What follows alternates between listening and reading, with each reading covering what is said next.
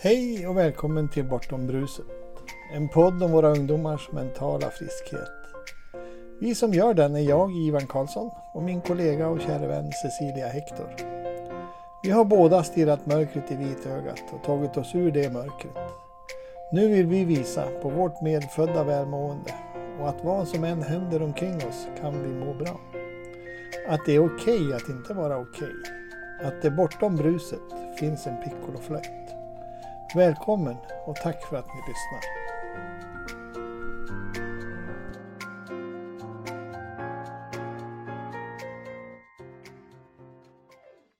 Hej! Hej! Ivan Karlsson här. Bortom bruset. Vi sitter på Kämpingestranden, jag och Cecilia. Hej Cecilia! Hej Ivan! Hej! En tidig morgon. Det är ett underbart väder, klarblå himmel, ingen vind. Vattnet är platt, som ni ser. Och idag har vi en gäst som jag är riktigt, riktigt himla glad att jag har fått med. Vi har fått med. Det är Helena Roth. Hej Helena, hur mår du idag? Jag mår bara fint. Det är ju som du säger, det är strålande väder. Det var det igår också. Då satt jag ute och käkade lunch och gick en promenad och tog med mig datorn ut sen och satt i trädgården i timmar och jobbade. Ja. Så det är ljuvligt. Ja visst, det är en fantastisk period det här. Jag tror faktiskt det är tredje dagen det är så här på raken. Eh, bortom bruset. Mm. En podd om eh, ungdomars mentala friskhet. Eh, eftersom vi nu sitter här på Kämpingestranden i Skåne. Helena finns också i Skåne, sitter inne i Malmö hemma hos sig. Eh, så blir det liksom lite naturligt att prata om det som hände här på latinskolan, Malmö latinskola i måndags kväll. Där en elev eh, mördade två lärare i sin mentala förvirring. Eh, det är lite det runt omkring det och vad som, vad som egentligen händer hos oss allihop och speciellt kanske då hos våra ungdomar. När vi ramlar in i en, i en eh, torktumlare av tankar. Som kan leda oss precis var som helst. Eh, Helena, du kan väl berätta lite grann också om din bakgrund. Jag, jag kom, alltså vi träffades ju för fem, sex, sju år sedan i någonting som heter Skolvåren. Som också var ett engagemang med, med våra ungdomar. Mm. Berätta gärna lite grann om ditt engagemang. Där. Det stämmer, jag tror till och med det var 8-9 år sedan. Det. Oh, Skolvåren, precis, föddes på Twitter 2013 och var egentligen ett gäng av oss som samlades kring frågan varför skola? Och det bottnar ju såklart i att uh, jag och många med mig inte riktigt ser att skola hjälper oss. Hjälper varken de som är där som elever eller egentligen de som är där som lärare och personal heller att, att må så bra. Att, att så att säga leva ett gott liv. Så vi ställde frågan varför skola och i samband med det så hittade jag dig också på Twitter tror jag, eller Facebook eller någonting. Ja. Uh, och för mig så var det då jag har två barn själv som är födda 99 och 04. Och jag hade blivit ordförande i föräldraförening här lokalt och då fått upp ögonen för, för skola och för lärande och för ja, den mismatch som jag såg i, i hur det görs kanske. Lite på systematisk nivå liksom. Ehm, så på den vägen är det.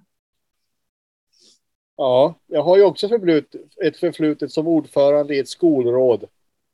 Där 2007 till 2009 i Sundsvall. Jag tror det var det som gjorde att jag eh, hajade till och högg på när, du, när jag såg skolvården. Mm. Eh, jag hade liksom stött på samma problem uppe i Sundsvall. Mm. Och det är ju som du säger, ungdomar, alltså vi har ju materiellt så in i bänken bra i Sverige. Mm. Vi rankade topp fem på alla möjliga kriterier att bo i det här landet. Och ändå så mår våra ungdomar dåligt. Mm. Snällt sagt. Ja. Och det är ju, det är ju så att säga, de är väl egentligen bara speglingen av ett samhälle som mår dåligt. Att, Ja. att det, är så att säga, det är ju alla, men det blir, så, det blir ju uppenbart och det är såklart så att ungdomar har ju inte riktigt, barn och unga har ju inte riktigt byggt upp de där lagren av masker och pansar. Eh, Så att det syns ju. Nej. Det syns tydligare, det märks tydligare. Och de kanske då också reagerar på sätt som är lite tydligare Ja. än vad många vuxna gör. Mm.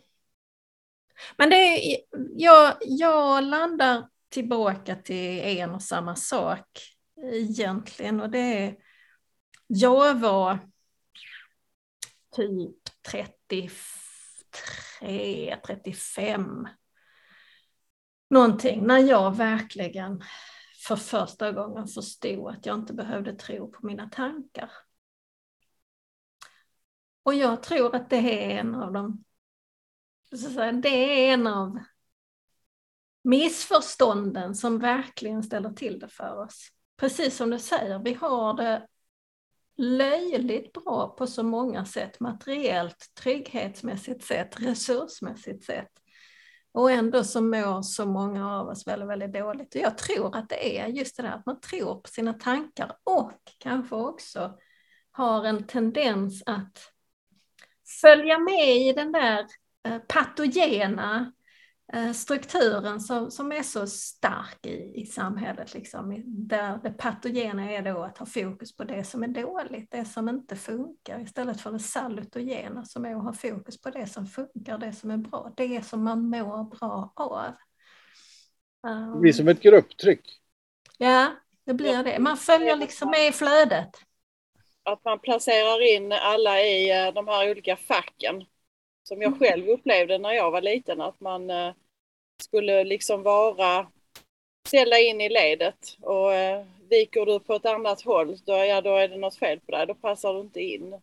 Mm. Eh, Och det var ju faktiskt inte, för min del så handlade det inte om att, att mina kamrater eh, gick emot mig, utan det var ju snarare det här att man kände att jag, jag måste foga mig in i ledet och vara precis så som de vuxna förväntar sig. För att annars så eh, duger inte jag, då lever inte jag upp till, eh, till eh, det som krävs. Mm.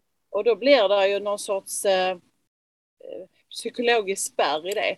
Att Mm. man, eh, det låser sig för en till slut, att man känner att man eh, man får starka tankar kring varje gång det ska vara ett nytt test eller något, något nytt som ska hända. Så nej, det går inte, det går inte, det går inte, jag kan, jag kan inte, jag duger inte, jag är inte som de andra. Och så jämför man sig jättemycket med alla andra. Och, och det gör ju att eh, man sitter där hemma med alla de här eh, svåra eh, tankarna som, som som stoppar flödet helt enkelt, det här kreativa flödet. Eh, det är också så att i skolan så är det så organiserat så att man skulle jag känna för att måla en dag eller göra någonting för att jag känner för det så är, finns det inte riktigt utrymme för det för att det är väldigt mycket på agendan. Och så är det ju i resten av livet också. Jag menar, det är många som går på jobbet och inte kan göra vad de känner för, utan måste göra det som förväntas av dem. Mm. Eh, Så att vi har ju byggt, eh, vi har ju byggt ett samhälle som, som, som bygger på det där i, i stor utsträckning, och att vi ska göra det som förväntas av oss. Och att man då ställer sig kanske frågande liksom individuellt till, till hur fasiken passar jag in i det här? Och när man då inte känner att man gör det och kanske inte heller känner att man spelar någon roll. Jag säger, det är ingen som behöver mig, det är ingen som, det är ingen som förlitar sig till att jag ska göra något som är av värde, för det känns inte på riktigt. Viktigt på riktigt snackar man också mycket om i, i skolsammanhang, vilket är relevant. Men det är svårt att göra det till viktigt på riktigt, för det är inte riktigt viktigt på riktigt. Ja, och det är då vi hamnar i det här vi och dem. Mm. Eh, Man distanserar sig från andra och eh, känner att man skiljer sig. Att eh, jag är inte som dem. Och Mm. där av isolering och sittande hemma och Mm eh, skoltrötthet. Att inte känna att jag eh, orkar vara där för att alla är så, det är så mycket förväntningar hela tiden. Eh, vi har ju många barn som ungdomar som inte som reagerar på det här, som, som bara inte orkar eh, vara med i det här spelet. Utan de visar ju på alla sätt att eh, jag stänger av nu, jag går hem. Jag sätter mig med datorn eller Netflix för jag, jag orkar inte längre. Jag, jag vill inte vara med. Och så går de in i någon sorts fantasibubbla och, Mm. och, och, och liksom skapar sin egen lilla eh, bubblevärld. Ja. Jag brukar-. Ja, precis. Jag brukar säga det att om man tittar på, på så att säga många av det som då kallas för hemmasittare, vilket ju är ett väldigt underligt begrepp i grunden, men de som, av, eh, de som liksom inte orkar, klarar, förmår ta sig till skolan till dagligdags, att mycket av det är ju ett oerhört sunt beteende. Så att säga. Det är en sund reaktion på en osund värld. Mm. Eh, Egentligen. Precis, va? Att, att, att det, är så, det är så komplicerat för så väldigt, väldigt många människor och, att, och unga då att, att de liksom ja, de går i stå. Och det är sådär, ja, för det är det som är hela poängen. Systemet gör sitt bästa för att se till att du kommer att må bra. Och om då det är ta dig därifrån, gå inte dit, så Mm. blir det ju så. Va? Jag, jag, jag brukar säga när jag pratar med dem jag eventuellt coachar att när vi, när vi hamnar i det här eh, tankesnurren att vi mår dåligt på sätt och vis. Det, det, det kryper i kroppen, magen och alltså vi svettas. Så att det är egentligen ett bevis på att det system som vi är medfödda med, att det fungerar. Precis. Men så har vi blivit lärda att inte lyssna på det. Eh, och det är egentligen bara att, att göra det ännu värre. Jag Så det, alltså när du säger det här, det- är en ett sund reaktion på en osund. Det är, det är klockrent, Helena. Jag tänker att vi kan gå in lite mer på just vad som händer när vi då utsätts för den här äh, tankestormen inom oss och liksom inte kan få stopp på den. När det snurrar så där fort. Hur, hur snabbt vi liksom kan bli som förorenade i hela eh, det mentala sinnet och till slut så är det liksom totalt Blackout. ja, man kan inte se, man kan liksom inte, man uppfattar inte världen eller verkligheten eh, utifrån någon klarhet utan det är väldigt eh,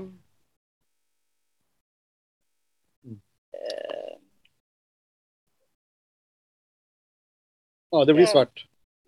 ja, det blir svart och det blir, det blir en sned, eh, snett sätt att se på, på det vackra och det ljusa. Det, man får en uppfattning om att eh, alla är eh, hemska och eh, jag lever i en hemsk eh, hemskhet och, och eh, hatet växer och eh, Och då gäller det för oss vuxna runt omkring de här ungdomarna att se det här, att se ungdomen som sådan. Inte eh, se förbi hans tankar, hennes tankar. Mm. Jag, Men- alltså jag sitter ju på, på självmordslinjen också som volontär Mm.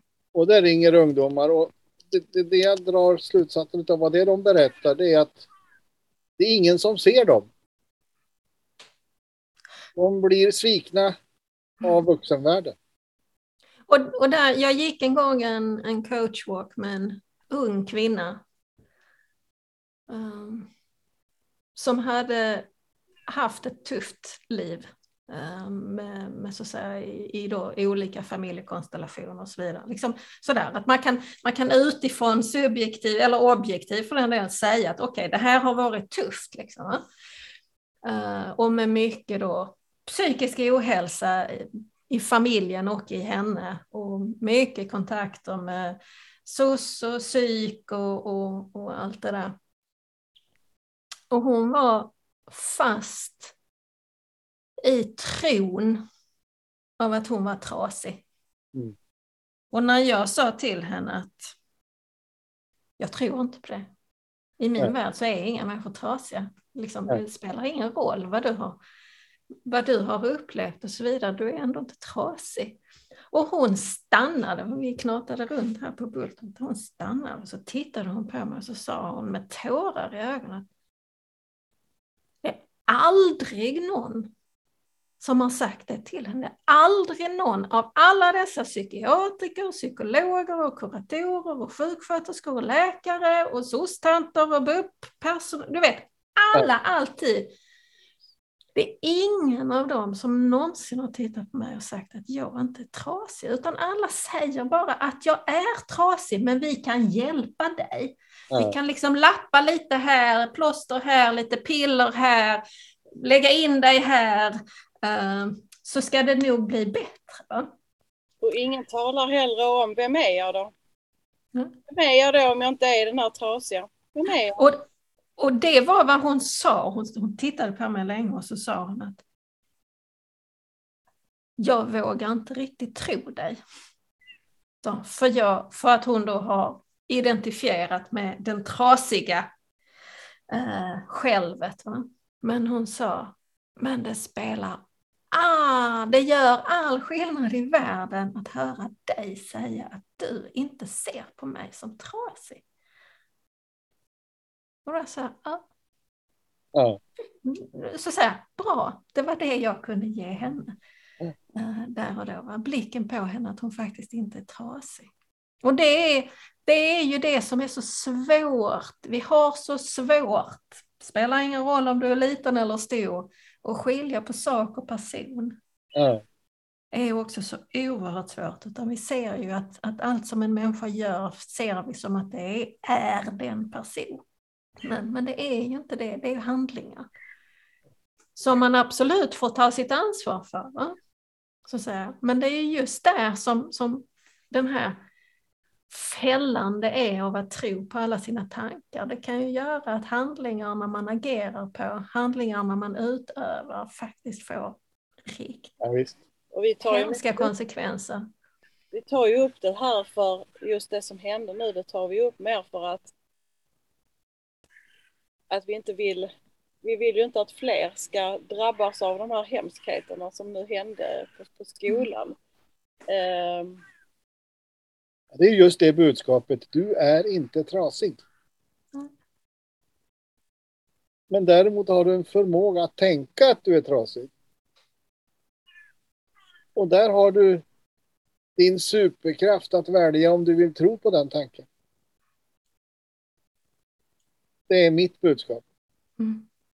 Så vad gör vi då med en ungdom som kommer och ter sig förvirrat och som eh, är ur klarhet. Som eh, har tankar kring att göra saker som är totalt vansinniga. Att göra sig själv illa eller göra andra illa. Och I min värld är det egentligen bara det, det, det är ett solklart svar. Det är kärlek. Det är egentligen bara att hålla om dem. Krama dem, älska dem. Eh, just där och då tror inte jag på att de hör så mycket av vad vi säger. Men de kan känna vad vi gör. Mm. Det ja, det är, jag menar, det, är, det är ju såklart en praktisk aspekt i det hela. Se till att de inte kan skada vare sig sig själva eller andra. Ja. Men, men bortsett, bortom det så tror jag, precis som du säger, att, att, uh, att, det, att, det, att det är just det där att, att på sikt landa in i att, att så att säga geggan får lägga sig så att vattnet är klart. Va? Ja. Uh, men också någonstans i grunden den här... Vi lever i ett värld som är så fokuserat på problem och att vi måste lösa alla problem. Och jag tror inte människan mår bra av att tro att hon är ett problem som någon måste fixa. Och så har vi det här med prestation. Mm. Eh, för att bli accepterad så ska vi prestera. Och gör vi inte det så blir vi separerade, vi blir utsorterade. Och det sätter ju också igång de här tankarna. Varför duger inte jag? Mm. Eh, ja, vi har en del att göra om vi säger så. Så just därför, så det jag själv har sett som har levt i psykisk, psykisk ohälsa, så att säga, eh, alldeles för många år. Det var helt enkelt att sväng om, ta en annan stig, vänd väg. För den här, det här hållet, det ger inga resultat. Nej. Eh, Det var ju tråkigt att det skulle behöva ta 50 år. Men eh, det är ju bättre än eh, inte alls. Ja, Att någonstans landa i att det jag har gjort, det jag har provat nu, gång på gång, alla de här terapitimmarna där vi, där vi älter allt som inte blev bra tidigare. Eh, kan vi lämna det? Kan vi blicka någon annanstans? Kan vi se, eh, finns det en annan väg för mig? Som, där det är lite mer ljus, lite mer hopp. Kan vi blick, blicka ditåt? Mm. Och som sagt, det är ju det är just det är så många vuxna som behöver det där också. Så att om inte jag som vuxen har valt in, liksom, styrt in på den vägen så är det ju såklart svårt för mig att finnas där för, för barn och unga i min närhet också. Um, men men det, är- det är ganska häftigt på sätt och vis just det här. Jag har, jag har kommit så pass långt. Min äldsta kom och hade var i bryderi för ett tag sedan. Och jag kan absolut gå igång på det här problemlösning. Nu ska jag fixa. Jag kan skicka dig böcker, jag kan skicka dig poddar och jag kan, du vet, hjälpa och, och ta hand om och så vidare. Men jag lyckades bita mig själv i, i tungan och fråga vad behöver du från mig just nu? Och hon är så klok så hon visste precis vad hon behövde från mig och det var att jag lyssnade. Ja. Så jag lyssnade. Alltså enkel fråga alltså. Vad behöver du från mig? Ja, precis. Så att, och det, det är ju det är också där, det är så lätt att tro att om jag inte får göra så är jag inte till hjälp. Nej. Men det kanske är så att bara mitt varande, att jag satt i soffan och lyssnade, Ja. var tillräckligt. Va? För då igen, precis som du säger, då lägger sig lite grann av det här stormiga havet och så blir det lugnt och stilla. Och det blir så tydligt inne i henne att ja, just det, det, det var bara det hon behövde. Alltså jag har ju samma erfarenhet på självmordslinjen. Mm. Alltså när det ringer in en människa som storgråter. Eh, jag vill inte leva längre. Så det första jag säger då, jo det vill du för att du har ringt till mig just nu och det är det första tecknet på att du vill leva. Eh, och sen får de prata. Mm. 20 minuter, 30 minuter och då har de pratat sig ur sin eh, storm. Ja, precis. Och några minuter senare, en kvart senare, så kan vi avsluta det samtalet med ett fnitter. Mm. Ja, nu ska jag gå och sova. Det är helt rätt. Eh, det är handen, det är närvaron, det är Mm. kramen, det är, ja, det är närvaron, örat precis. och så det här. Du är okej. Vad som än nu händer omkring dig så är du okej. Även om det tycks vara svårt att se det. Ja. Men alltså det, det eh, jag är lika övertygad som du Helena, Helena att, att det finns inga trasiga. Eh, Men de har den här förmågan att tro att de är trasiga. Det är allt. Och den förmågan har vi alla. Ja, varenda. Ja, men jag råkar också ut i det. Ja, jag med. Så ingen är skottsäker. Men bara den här. Jag är inte kvar där så länge. Det är ju så tur. Men alltså jag har suttit i en bil, varit på väg rätt in i en bergvägg Mm. för 20 år sedan. Mm. Ja, 15 var det. Men jag gjorde det inte. Och någonstans var det ju det, det var ju min visdom som fick mig att inte göra det. Och det är likadant med varenda människa. Det är den här medfödda visdomen som säger nej, det där är ingen lösning. Mm. Och slutorden. Ja, vi har Närvaro. passerat 20 minuter. Närvaro. Lyssna. Ja. Närvaro och lyssna. Du är inte trasig. Mm. Har du några bra slutord, Helena? Det är en fråga som jag har burit med mig när, så säga, genom säg, de senaste 10-12 åren är eh, hur gagnar detta? Och den frågan har hjälpt mig, för den ger mig det där lilla mellanrummet där jag hjälper mig själv ur stormen. Och så kan jag titta på stormen och så tänker jag, hmm, inte. Gagnar inte. Eh, så att där har jag, eh, den har jag haft väldigt, väldigt stor hjälp av, för den har hjälpt mig att komma ihåg att mina tankar inte är sanning med stort S, utan att det är tankar. De kommer och går, de kan vara mer eller mindre sanna, eh, mer eller mindre till hjälp eller hjälp. Om nu någon av våra lyssnare, tittare vill ta, få kontakt med dig, hur går de tillväga? Alltså jag är ganska lätthittad. Söker man på Helena Roth så är det jag som dyker upp, även om det finns många Helena Roth i världen. Men söker man dessutom på Tankespjärn så lovar jag att man hittar mig och jag finns på de flesta sociala medier och jag har en hemsida och så vidare. Så att Tankespjärn och eller Helena Roth så, Ja. så är det bara att... Jag lägger in det i texten efter under här. Så. Bra. Tack, bästa Helena. Ja, tack så mycket Helena för att du ville vara med. Tack själva, nu får ni fortsätta njuta av strandliv.